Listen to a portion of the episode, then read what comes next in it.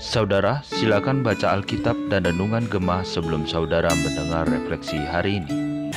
Shalom saudaraku yang dikasihi Tuhan, bertemu lagi dalam Refleksi Gemah tanggal 7. Renungan kita hari ini diberi judul Dipengaruhi tetapi tidak digagalkan yang terambil dari kitab Bilangan pasal 14. Mari bersama-sama kita berdoa.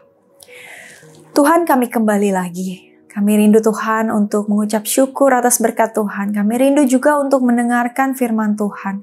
Engkau memberkati setiap telinga yang mendengar, mata yang membaca firman Tuhan, hati yang menerima firman-Mu. Engkau kuduskan setiap kami agar kami boleh mengerti firman-Mu dengan baik. Dan itu boleh menjadi pegangan kami dalam kami menjalani hari ini. Tuhan, kamu berkati setiap kami, kami serahkan perenungan firman Tuhan ini ke dalam tangan-Mu. Hanya di dalam nama Tuhan Yesus kami berdoa. Amin. Bapak Ibu Saudara, pernah nggak kita sedang mengantri sesuatu, uh, antriannya cukup panjang, lalu tiba-tiba ada orang yang sat sat sat sat pakai jurus tertentu, eh tiba-tiba dia nyelak antrian, saudara. Kita lihat ya bagaimana ketidaktaatan orang ini bisa berpengaruh pada kita. Tentunya kita bisa mengantri lebih lama jadinya. Syukur-syukur kalau ada yang berani menegur. Kalau tidak, itu akan berimbas pada kita. Kita akan lebih buang waktu lagi untuk mengantri. Nah, saudara, seperti itulah kira-kira kisah daripada bacaan firman Tuhan kita hari ini yang akan kita baca bersama. Dari kita bilangan 14, ayat 1, 2, dan 3. Kemudian saya akan bacakan ayat 8 dan 30 untuk kita semua. Lalu segenap umat itu mengeluarkan suara nyaring dan bangsa itu menangis pada malam itu. Bersungut-sungutlah semua orang Israel kepada Musa dan Harun, dan segenap umat itu berkata kepada mereka, Ah, sekiranya kami mati di tanah Mesir atau di padang gurun ini. Mengapakah Tuhan membawa kami ke negeri ini supaya kami tewas oleh pedang, dan istri serta anak-anak kami menjadi tawanan? Bukankah lebih baik kami pulang ke Mesir? Ayat 8, jika Tuhan berkenan kepada kita, maka Ia akan membawa kita masuk ke negeri itu dan akan memberikan kepada kita suatu negeri yang berlimpah-limpah susu dan madunya. Ayat 30. Bahwasanya kamu ini tidak akan masuk ke negeri yang dengan mengangkat sumpah telah kujanjikan akan kuberi kamu diami, kecuali Kaleb bin Yefune dan Yosua bin Nun. Demikian jauh pembacaan firman Tuhan kita hari ini. Bapak Ibu Saudara, dari ayat yang tadi, kita bisa melihat beberapa hal. Yang pertama kita melihat bagaimana bangsa Israel yang sudah dibebaskan Tuhan dari penjajahan Mesir, itu pun karena mereka meminta pertolongan Tuhan. Dan setelah Tuhan membebaskan mereka, mereka malah bersungut-sungut. Mereka membandingkan hidup mereka dengan pada waktu mereka masih di Mesir. Bahkan mereka katakan, lebih baik mereka kembali ke Mesir. Yang kedua kita juga melihat bagaimana dari 12 orang pengintai hanya dua, yaitu Kaleb dan Yosua yang tetap taat dan percaya bahwa Tuhan pasti akan membawa bangsa Israel memasuki tanah perjanjian. Yang ketiga kita melihat bagaimana akhirnya bangsa Israel membuat Tuhan murka dan mereka harus menerima konsekuensi, yaitu seluruh generasi pertama yang keluar dari Mesir tidak akan masuk ke dalam tanah perjanjian. Bapak Ibu Saudara, dari sini kita melihat bagaimana kedegilan hati bangsa Israel.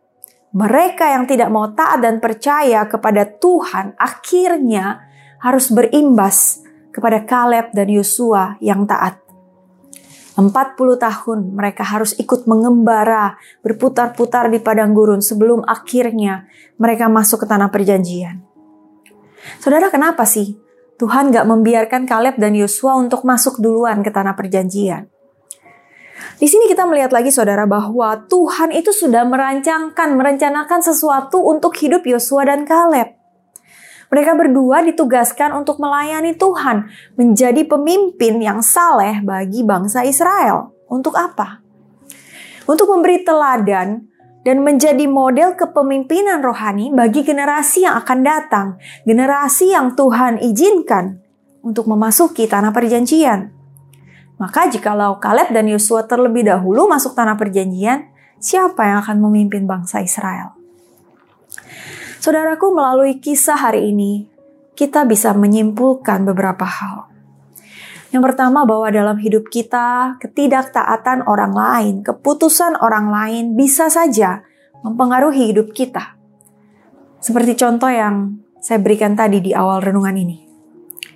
Yang kedua, meskipun demikian, yang perlu kita ingat bahwa pengaruh ketidaktaatan dan keputusan orang lain itu tidak akan bisa menghalangi atau menggagalkan apa yang Tuhan ingin kita lakukan melalui hidup kita. Sebagaimana kehendak Tuhan tetap terlaksana melalui Yosua dan Kaleb selama pengembaraan mereka di padang gurun. Maka begitu juga dengan kehidupan kita, asalkan kita tetap taat kepada Tuhan. Dan yang ketiga, sadarilah saudara bahwa Tuhan itu lebih tertarik untuk mengubah kita daripada mengubah keadaan di sekeliling kita.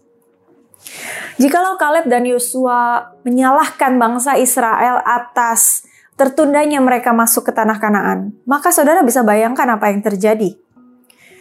Namun di tengah kesulitan itu mereka tetap taat dan percaya, tetap setia menjalankan tugas yang diberikan oleh Tuhan.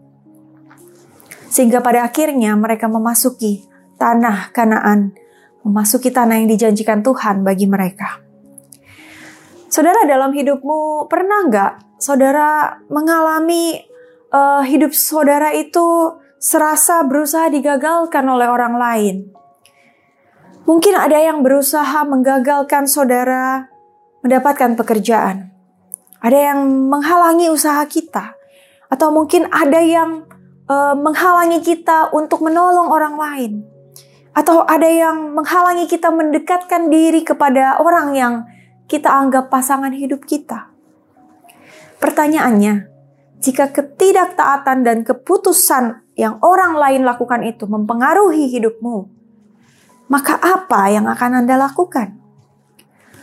Terjebak dalam keadaan yang mengecewakan, ataukah terus maju dengan taat dan percaya kepada rencana Tuhan? Ingat saudara bahwa tidak ada yang bisa menggagalkan rencana Tuhan bagi hidup kita. Tertunda mungkin, tetapi digagalkan tidak. Sebagaimana Ayub 42 ayat 2 berkata, Aku tahu bahwa engkau sanggup melakukan segala sesuatu dan tidak ada rencanamu yang gagal. Saudara, mari kita terus percaya kepada Tuhan seperti Yosua dan Kaleb.